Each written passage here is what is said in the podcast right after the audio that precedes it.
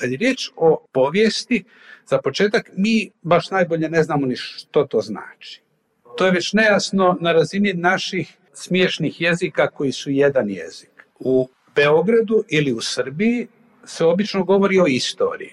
Iako istorija i povijest nisu jedno te isto. U Sarajevu se govori o historiji koja također nije jedno te isto sa povješću, a u Zagrebu, ukoliko netko slučajno napiše to historija, historija ne može ni napisati jer je to naprosto skandalozno, ali ako napiše to historija, to će biti dobro, to je sad netko tko koristi sekundaran termin, sekundarni termin, mi ćemo biti dovoljno tolerantni pa mu nećemo razbiti nos. Naime, e, historija je u hrvatskom jeziku otprilike ono što su u hrvatskom jeziku januar, februar, mart.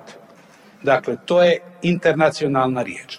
Drugo, u posljednjih nekoliko godina u vezi naše sudbine zapisane u prošlosti postoje dva jako markantna diskursa. Prvi je ostavimo povijest povjesničarima ili ostavimo istoriju istoričarima. Tu glupost izgovaraju ovdje jednako i predsjednici država i oni koji se opozicijski odnose prema tim predsjednicima država.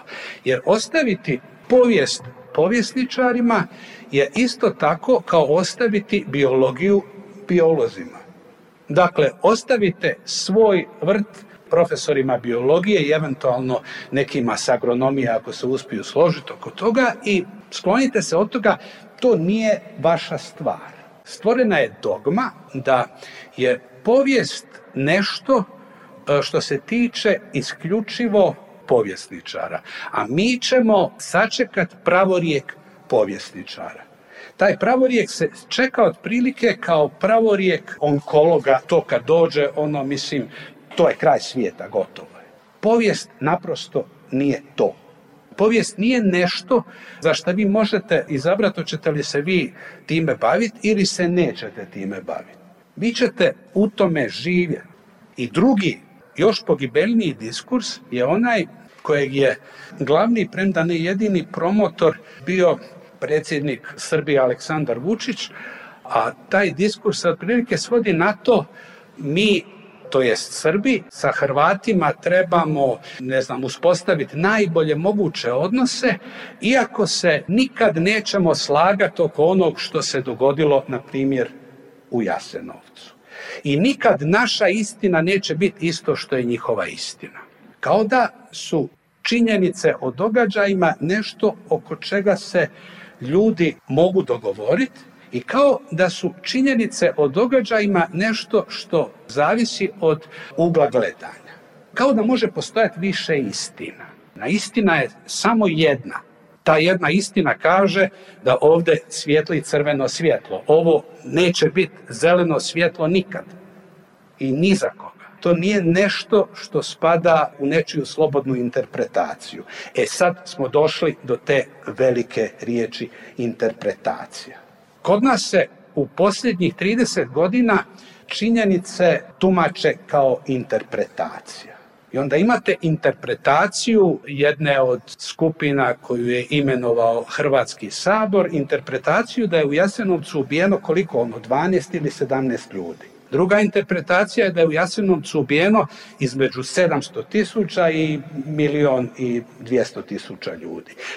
Problem tih interpretacija je u tome što te interpretacije ne interpretiraju neki slučajni ljudi po tržnicama, po kafanama, nego su to interpretacije ljudi koji su verificirani povjesničari, da ne kažem certificirani povjesničari koji su završili povijest na nekom od fakulteta i onda oni to tako interpretiraju.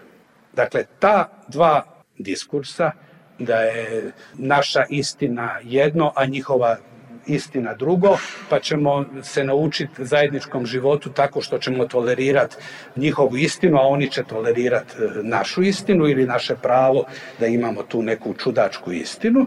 I ovaj prvi diskurs da povijest treba ostaviti povjesničarima, zapravo cijelu stvar obesmišljavaju, ali i čine sukus tog ludačkog bavljenja prošlošću kod nas. Jer nama je jedina naša stvarna prošlost je, su mit, je mit i legenda, a povijest je nešto što ćemo ostaviti povjesničari. Kao što ćemo i pustiti institucijama da rade svoj posao ili ćemo osuditi sve totalitarizme i tako dalje. To su sve fraze iz toga istoga dijapazona kojeg često oko sebe imamo. Međutim, možda za idu o terminološkoj razlici o kojoj ću ja samo jednu stvar uzeti. Mi isto posljednjih 30 godina imamo veliki problem nazvati oktobarsku revoluciju. Oktobarskom postaje problematično i studentima moram reći da ako kažete oktobarska revolucija, znamo na koju revoluciju mislimo i to vam nije srpski, znate, jer je to kod nas sve prevedeno. Kako to tebi izgleda iz perspektive života u različitim sredinama? s obzirom sam zadnjih sedam godina provela u Srbiji, pa sam se odlučila vratiti u Hrvatsku, pa me Miljenko danas groženo pitao, pa kako si se vratila, zašto si se odlučila vratiti tu? E sad kad si ti Miljenko baš pričao o tom kako smo mi zapravo svi imamo naše obiteljske anamneze i svi zapravo obiteljski živimo te povijesti, ja sam zapravo sretna da sam rođena u tom jednom zanimljivom vremenu kad sam bila klinka, ali ipak dovoljno stara da se sjećam tih nekih povijesnih trenutaka i točno se sjećam baš sam bila klinka, možda drugi, treći razred, tek sam naučila pisat i bila sam sa bakom. Baka je, moram priznati, bila tvrda Hrvatica, katolkinja, ona iz Bosne i učila me, nauči, čula sam neku pjesmicu, crven, plavi, bijelavi, to su Srbi čelavi. Tako sam ja naučila neku pjesmicu koju sam onda shvatila da zapravo uopće postoji Hrvati i Srbi i cijela ta priča mi se počela nenadano otvarati, da je tu sad neki problem. I onda se par godina nakon toga skršila Jugoslavija, ja sam bila u užasno razočarana, nije Jugoslavija, sam to obožavala sam, bila sam zaljubljena u svog pionirskog rukovoditelja koji me tada učio svim tim ovaj, republikama i pokranama, sad se to sve srušilo i tad se sjećam da je ogroman bio jedan skandal u razredu, bio jedan dečko i oni su se njemu odlučili osvediti tako što su mu svaki dan u torbu trpali sliku druga Tita koju su našli negdje u zbornici onako bačenu jer je to kao bio dokaz da on sad komunjara jer je to tad postalo najgora moguća riječ koju neko možeš reći da je neko komunjara. Tako da mi je bilo zanimljivo to pratiti, a posebno mi je bila zanimljiva ta moja preseljenje iz e, Hrvatske u Srbiju i u Srbiji, u Beogradu gdje živim, Jugoslavija je, barem u tom krugu kojem sam, sam ja, jugonostalgija kao takva je jako izražena, Jugoslavija ima jako, i Tito sam po sebi ima dobru konotaciju i svrtić od mog sina se zvao Boško Buha, ali moram priznati da ako govorimo o nekakvom širem kontekstu da sam ja sa svojim hrvatskim jezikom, mislim, ja pričam baš purgerski i uvijek sam pričala purgetski U Srbiji sam se čak i bojala hvatat srpski, zato što to, znaš, kad radiš u Hrvatskoj, onda kad bi mi neki srbizam, neka ekavita izašla van, to bi bio veliki fopa. Tako da sam se baš ono, održavala taj svoj purgerski. Meni su se vratar, baš radi tog mog jezika, moram priznat, svugdje otvarala. Baš radi toga da ono, velike simpatije, baš su me kao nekakvu evropsku princezu doživljavali. Tu sam, malo mi je bilo olakšanje, jer mi isto bilo frka kako će mene tamo prihvatiti. U mlađe generacije, pri tom mislim na recimo ljude 30 godina i manje, baš u kontekstu tog poznavanja povijesti, i razumijevanja situacije, da oni recimo ovu kompletnu našu situaciju iz 90-ih, oni ko da to nemaju u svojoj kolektivnoj memoriji. Znači, ja sam bila stvarno, oni imaju veliku mitologiju bombardovanja Beograda, to je velike traume ostavilo, ali taj rat u Hrvatskoj, vidim kad s njima pričam da se oni čude, da oni uopće nemaju da li namjerno ili slučajno, ali oni vade u svom obrazovnom sistemu i medijski tu priču uopće nemaju provučenu. Ja imam dojam da kad kaže Srbija u Hrvatskoj, prva asocijacija je rat i nakon toga dugo, dugo, dugo ništa. Tamo, kad kažeš Hrvatska i kad me ču kako pričam, njihova prva asocijacija je more. Prva asocijacija im je najbolji trenuci vojske, super ribe u Splitu. Znači njima uopće rat, ja sam se iznenadila koliko oni taj sukob imaju malo u svojoj nekoj ono, psihologiji, svojoj, svoje nekoj podsvijesti. Bivša slovenska ambasadorica u Zagrebu je, kad sam se ja pohvalio da zajedno e, odsjeci za povijest u Zagrebu i Ljubljani organiziraju skup 1948. godini je rekla čak pomalo sjetno kako je to dobro, ali pokazuje da sva suradnja teče, sve se odvija normalno, međutim glavni problemi između dvije zemlje se ne rješavaju i kontekst je zapravo jedna od osnovnih stvari u historiografiji i kroz kontekst možemo puno stvari drugačije vidjeti. Evo, na primjer, e, Yuval Harari, slavni povjesničar, je rekao da bi ga u normalnim okolnostima govor predsjednika Bidena ostavio poluravnodušnim ili ravnodušnim, ali da ga je kontekst u kojem je on izgovoren prije nekoliko mjeseci doveo gotovo do suza jer je imao iskustvo koje svijet živio proteklih nekoliko godina. Gorane, ti si nagrađen zbog dviju knjiga, između ostaloga, koje su najizravnije govorile o onome što je bilo i o tima koji jesu u Sloveniji, povezani sa onim što je bilo. Kakav je danas kontekst i kako danas vidiš situaciju u kojoj prošlost ponovo još više postaje prisutna u svakodnevnom životu i da li to znači da će biti neki četvrti ili peti roman vezan za slične teme? Ja trenutno radim na dokumentarnom filmu o nedalekoj prošlosti i to je ono iz e, godine 2017. ili što bi se u Zagrebu reklo 2017. E, kada je e, Slovenija osvojila Europsko prvenstvo u košarci pobjedivši Srbiju. I ono što je meni uvijek bilo e, divno kod sporta je da nijedna pobjeda u sportu ne može godinama se pretvoriti u poraz, znači evo četiri godine kasnije niko ne spori o tome da je e, Slovenija Srbiju pobjedila, kada je u taj svijet u kome je postojao za mene barem sport ušlo i ono drugo, znači to je kada je počeo rat, desilo se da odjednom više nije bilo izvjesno šta se dešava i da smo dugo vremena u stvari vjerovali, znači svako imao svoju istinu, koji god si kanal okrenuo, govorilo se nešto drugo i, i mi smo dugo u stvari vjerovali da se do istine stiže tako da se slušaju malo jedni, malo drugi, malo treći, pa se tu negdje između svih tih istina nalazi ona prava. Ja mislim da jako dugo barem meni je trebalo jako dugo da shvatim da to nema veze s vezom.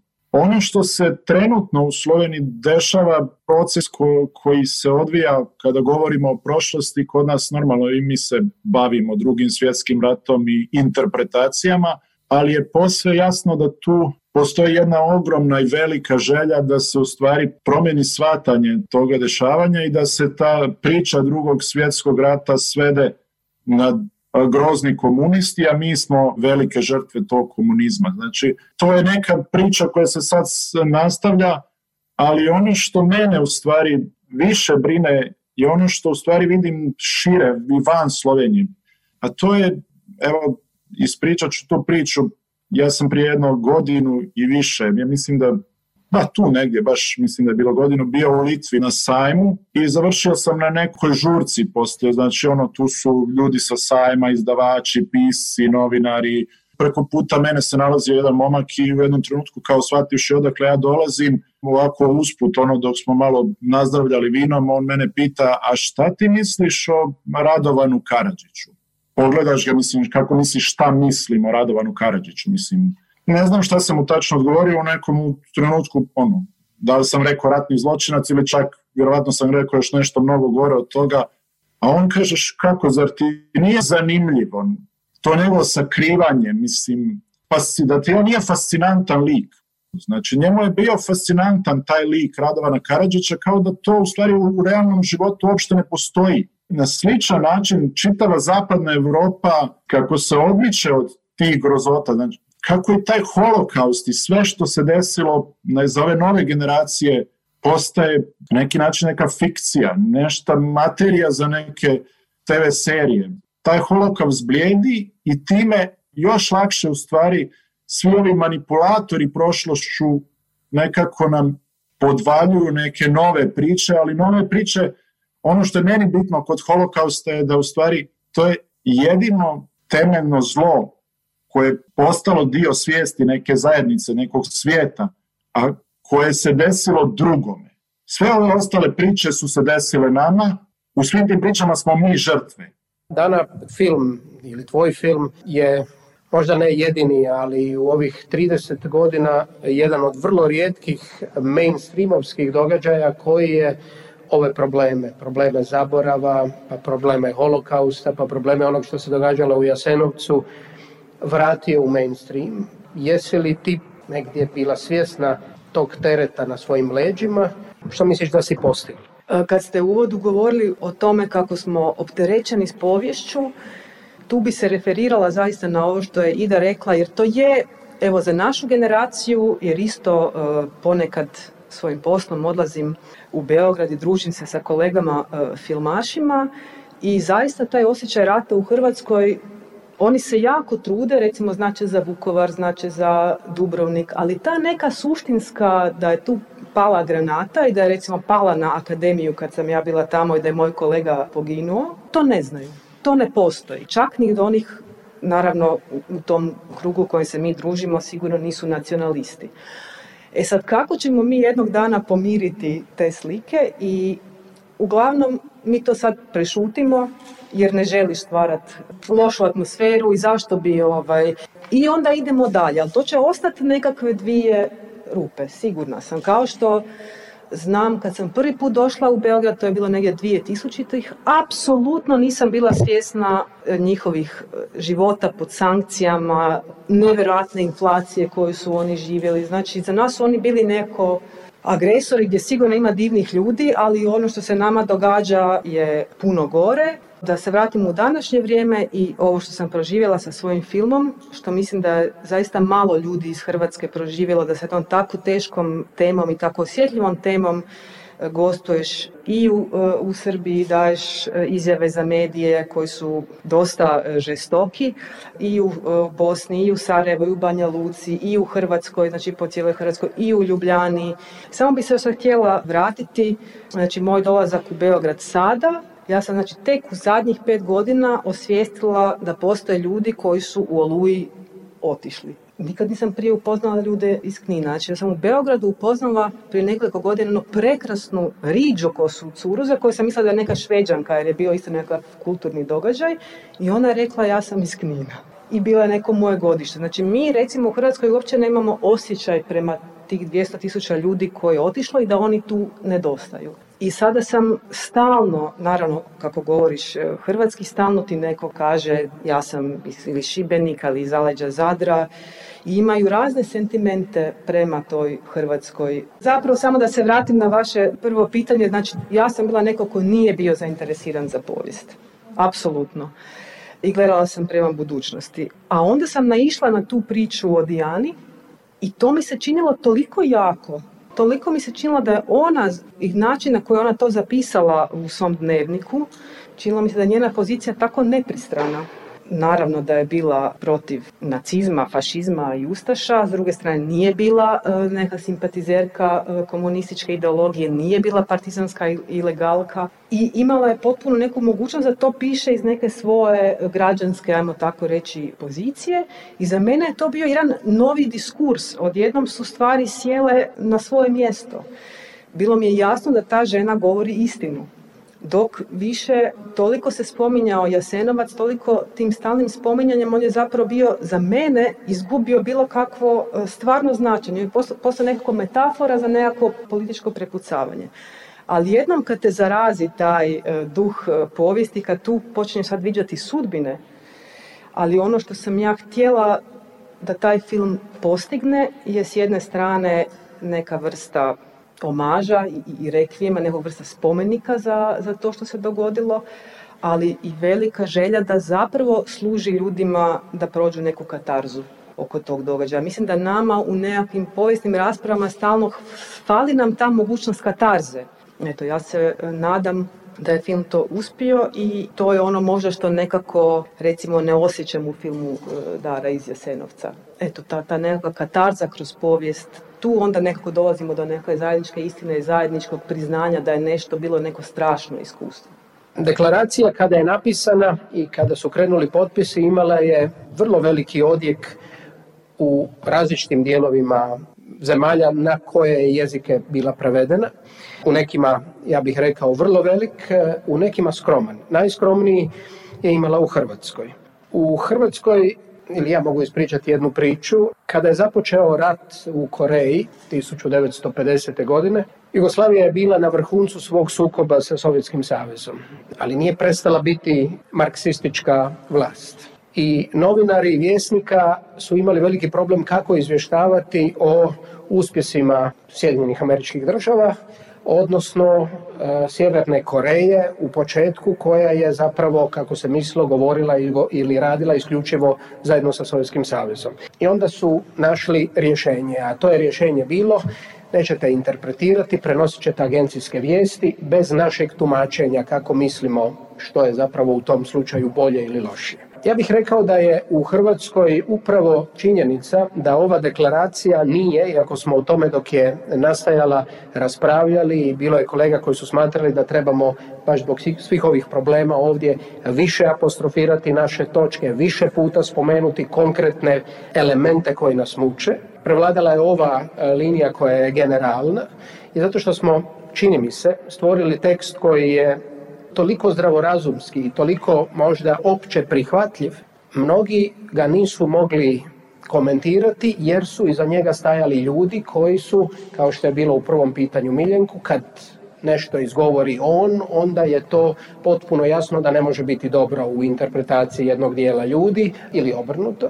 I ja mislim da je zbog toga izabrana šutnja ili ignorancija. U usporedbi sa svim drugim sredinama apsolutna e, ignorancija. Da li misliš da ja možda to sad preinterpretiram ili bi ti možda, možda drugačije komentirao? Zašto mi imamo u ovom društvu problema da kažemo, da svi kažemo, a što povjesničari, da, pa naravno da je znanost ta bi trebala biti slobodna, da bi trebala biti nadnacionalna, da bi trebalo gledati u kontekstu, da bi trebalo pogledati različite arhive, da bi naša ministarstva trebala odustati od toga da stvari propisuju, da bi saborski ili politički odbori i tijela trebali se suzdržavati da interpretiraju prošlost, ali da bi trebali možda financirati ozbiljne projekte koji će pomoći da onda dođemo do nekih istina koji će pomaknuti broj od 12, ali se ne nalaziti na ovom, ovoj istini između. Kako bi to vidio? Pa ja mislim, ovaj, kao džavolji advokat, da bi tvoji neprijatelji rekli da ti tu imaš problem s tim što ti njima podvaljuješ opća mjesta kao nešto e, čemu bi oni trebali aplaudirati, a oni su, Bože mili, iznad tih općih mjesta. Naime, deklaracija doista jest zbir općih mjesta o povijesnoj znanosti. Ali naš problem je upravo u nepercipiranju nečega što bi trebalo biti opće mjesto. Recimo, jedna od večeras tema vrlo jakih, nosivih, koju je pokrenuo Goran, je bila da svi želimo igrati isključivo ulogu žrtve, a da upravo dolazimo do trenutka nečega što bi se moglo nazvat postmemorijsko sjećanje, do trenutka kad holokaust više neće biti naša suvremenost i kad genocid nad Srbima u nezavisnoj državi Hrvatskoj također neće biti naša suvremenost, nego će to biti nešto što se dogodilo otprilike jednako davno kao Neronova vladavina kao vrijeme Isusa Krista. Jer kad ne postoje živi svjedoci, kad ne postoji živo sjećanje, onda je manje više svejedno da li se nešto dogodilo prije 5000 godina ili prije 80 godina. To je dakle gotovo. I kad to bude gotovo, bit će gotovo ono što Goran kaže s tim da se neko zlo dogodilo nekom drugom i vraćamo se u svoje temeljno i osnovno raspoloženje svih nas, svugdje. Da se zlo dogodilo nama, a zlo su nam naravno učinili prvi komšije, koče drugi, mislim, nisu nam oni iz Koreje mogli učiniti zlo. Problem toga je opet jedno opće mjesto. Opće mjesto boljeg građanskog odgoja i opće mjesto bolje pedagogije je da učiš dijete da učiš bližnje i da učiš sebe tome da, mislim, ne maltretiraš drugu djecu, da ne budeš hulja, da ne činiš drugima zlo, jer jednostavno, mislim, bit ćeš nevoljen, bit ćeš, bit ćeš niko i ništa, nije dobro drugima činiti zlo, eto. To ne postoji u našem kolektivnom diskursu. Taj, dakle, temelj odgoja djece ne postoji u, u, temeljnom diskursu naših društava, naših zajednica. Na Balkanu izrazito, a boga mi što bi se reklo, ni u svijetu to nije baš nešto strašno rašireno i problem sa oticanjem holokausta u prošlost nije balkanski problem, nego je to jezivi planetarni problem za koji uopće ne možemo ni naslutiti kako će to završiti. Ali ja mogu reći da je zadnji doktorat o holokaustu u ovoj zemlji napisan 2006. godine. Po čemu smo vjerojatno jedna od najloših zemalja u svijetu je velika tema i eh, o tome se svugdje piše. Tako da, to je naravno i ovo što nema doktorata vezani za vrijeme za drugi svjetski rat, rezultat atmosfere eh, u društvu. Kako vi kao povisničari i istoričari ocjenjujete građu u školama kako se obrađuje drugi svjetski rat, kako se obrađuje ova naša balkanska povijest, kako ste vi zadovoljni kako je to reprezentirano u školskim udžbenicima u recimo osnovnoj i srednjoj školi? Dubrovka, nazvali. Recimo u Srbiji kad postignemo neki nivo, onda se upale crvene lampice i onda se izbriše svaki dobar rezultat i evo, taman smo od 2010. godine došli do više udžbenika za svaki razred. To se malo liberalizovalo, bolji su udžbenici napisani i sad se pojavila država koja je lupila rukom o sto posle filma Dara iz Jasenovca Izmerili su koliko ima rečenica o Jasenovcu, bili su vrlo nezadovoljni i rekli su da je dosta toga, da će od sad biti jedan učbenik i da će ga pisati, kako su rekli, država. Ne znamo šta je to država, ali pretpostavljamo da je to vladajuća stranka. Dakle, taman je neka mala sloboda, ne u interpretacijama, ne u činjenicama, ali u didaktičkom pristupu, u boljim pitanjima, u kritičkom odnosu postignuta, idemo sada na nešto što je situacija od ranih 90-ih. Tako da se pokazuje da, evo bar, Srbija mora imati se setila da država mora imati monopol nad prošlošću da bi imala monopol nad sadašnjošću i to je još jedno od pitanja političke kontrole sadašnjosti. Ovu deklaraciju bi vam potpisali svi ti takozvani političari. Nije Problem u tome da povjesničari kao jedna skupina ljudi protiv sebe imaju političare kao drugu skupinu ljudi. Problem je u tome što ne postoji e, zametak bilo kakvih profesionalnih kriterija u bilo čemu, pa tako ni u historiografiji. Tebi će političar bilo koji vrlo jednostavno odgovoriti tako što će na mjesta s kojih se govori o povijesti ili ti o historiji ili o istoriji, postaviti ljude koji su e, završili istoriju na nekom fakultetu, čak i na nekom relativno uglednom fakultetu. Čak će postaviti ljude koji su odbranili doktorate recimo na filozofskom fakultetu u Zagrebu koji će ti reći da je Jasenovac bio tako ovaj radni logor u kojem su zatvarani e, neki protivnici režima i tu je neko umro od gladi, od ne znam ono, neko drugi je umro od ne znam zime, ali da to zapravo nije bio nikakav e, logor e, u, u kojem se ubijalo, onda će takav povjesničar sa doktoratom na Zagrebačkom filozofskom fakultetu pisat neku, ovaj, neki udžbenik povijesti koji će biti odgovor na ovaj Dubravkin eh, udžbenik povijesti koji također u eh, Beogradu neće pisat eh, neka impersonalna država, nego će ga pisat takozvani ugledni istoričari. Ista stvar će se dogoditi u Sarajevu, ista stvar će se dogoditi u Prištini i imat ćeš potpunu zapravo profesionalizaciju cjelokupne scene koja neće biti profesionalizacija u smislu profesionalnih kriterija, nego u smislu funkcioniranja tehnologije. To je ona podvala koju e, ti pruža svaka politika na Balkanu, i svaka politika u bivšoj Jugoslaviji, čak nažalost svaka politika bez obzira na politički predznak. To je moje zapravo najveće razočarenje što naš problem nisu nacionalističke diktature, nego su naš problem diktatorski načini mišljenja i naš problem su antinacionalisti koji funkcioniraju na nacionalistički način. Kako odbraniti dignitet povijesne znanosti je pomalo e, nalikuje na pitanje kako odbraniti dignitet istine. Dignitet istine se čini mi se može odbraniti jedino tako da se kaže da je to istina i da se pokuša razgovarati o istini. Jednostavno ne mogu postojati dvije, tri ni pet istina. Mogu postojati različite interpretacije toga kako se došlo do Jasenovca i šta je sve prethodilo Jasenovcu. Ali to ne mijenja samu suštinu stvari. Ne može postojati deset istina ili ne mogu postojati dvije istine o događajima u vrijeme oluje i poslije oluje. I, I ne može se, recimo ono što je sad, kako bi se reklo, Vučićeva izgleda obsesija, ne može se Oluja povezivati sa Jasenovcem. Jer nije Jasenovac ono što neposredno prethodi Oluji. 95. godini neposredno prethodi 91. godina. Možemo razgovarati i raspravljati o tome e, što je više motiviralo pobunu velikog dijela hrvatskih Srba.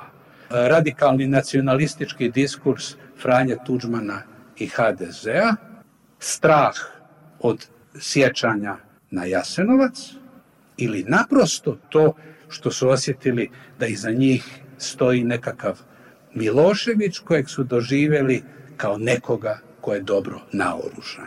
I recimo kad se insistira na tome kako će klinci nešto shvatiti je da je klinačka perspektiva, ta neka digitalna perspektiva preko mobitela, ali i klinci valjda žive među živim ljudima. Pojam o istoriji je, počinje pojmom o prošlosti. Pa čak i onoj prošlosti za koju nam se vrlo često čini da je se sjećamo, iako se dogodila prije naših rođenja. Neki ljudi zaista misle da se sjećaju kosovske bitke nije to bez vraga. Oni se na neki način stvarno sjećaju. I trebalo bi možda pomoći tim ljudima. Jedna od ideja za deklaraciju je bila slična ideji deklaracije o zajedničkom jeziku. Meni lično pomaže deklaracija o zajedničkom jeziku kad me neko krene maltretirati s jezikom, da mu ja sad mogu reći nemoj me gnjaviti, potpisala sam tu deklaraciju, govorim zajednički i ostavi me na miru. I želja recimo da i ova deklaracija odbranimo povijest ima tu svrhu. Da kažemo, ja pripadam onima koji stoje iza ovih načela. Jer su naša društva došla dotle da elementarne stvari, kao što je to da se mi razumemo i kao što je to da za povijesnu činjenicu treba dokazati, to u našim društvima i ne samo u našim više ne postoji. Ali smisao deklaracije tog vida obraćanja javnosti je da na neki način može zaustaviti diskusiju i reći evo, stojim iza tih principa, pročitaj ih i reci šta tu nije u redu. Ajde, reci šta nije u redu. Nije mi jasno, baš me zbunjuje kao nekog ono, iz, iz običnog puka. Meni su zastrašujuće ove činjenice da postoje stvarno, ko što ti Miljenko kažeš, neki istoričari sa nekim doktoratima koji su išli u neke škole koji tvrde nešto što je van zdrave pameti. Znači to da li u Jasenovcu umrlo desetoro ljudi ili petsto tisuća ljudi, mora postati neki trag. I sad meni se odmah logički nameće nekako pitanje, dobro, postoji išta što se zove sankcija u poslu povjesničara ili istoričara, kao u svakom drugom znanstvenom radu mora postati neko kad kažeš neku glupost, ako si fizičar, imaš eksperiment, odbacate i smiju te i doviđenja. Vada postoji neko ko ko će moći reći, pa pričaš gluposti, pa ne možemo uopće o tom pričati, ne možeš ti biti istoričar ni povjesničar i da mu se na neki način ipak da do znanja da postoji li neki kolektiv, neki meritum, neko ko će te ljude izbaciti van. Pa nije to vada toliko abstraktno da se ne zna reći popu popa, bogu bob. Eto, čisto me to sa strane neko ko je iz svijeta entertainmenta, pa ipak imamo neke kriterije ti kao da si došla iz Amerike ovdje ili iz Švedske, a ne iz Srbije natrag u Hrvatsku. Ovoga. Nema sankcije, može biti jedino nagrada u načelu, da, ali ne ironiziram sada previše, nažalost ja bi se samo nadovezao malo i na Miljenka, ono što je govorio. Zapravo mislim da smo mi e, svi i u Hrvatskoj i u Srbiji i u Bosni i svugdje zapravo nasjeli na kukaviće jaje političara prema povijesti koji su nam dali nekoliko fragmenata naše novije povijesti oko koje se mi hvatamo, jel? Tako će vjerojatno dobar dio ljudi u Hrvatskoj smatrati da je cijeli drugi svjetski rat samo tri dana Blajburga, ili ono će u Srbiji smatrati da je cijeli rat u, Hrvatskoj samo traktorske kolone izbjeglica srpskih koji ulaze u Beograd, a da se zapravo niko ni neće zapitati a šta je dovelo do Blajburga i šta je dovelo do tih traktorskih kolona. I zapravo je to jedan problem koji nam se stalno nameće i koji nas stalno pritišće i koji nam zapravo povjesničari govore zapravo da je sve ovo što se kod nas dogodilo samo e, na nekoliko detalja. Uzmimo evo Blajburg, Jasenovac, Srebrenica, Vukovar oluja i ništa koda, da ničeg drugog nije bilo i zapravo niko ništa ne govori šta je zapravo dovelo do toga i koja je suština svega toga što nam se dogodilo u tim događajima.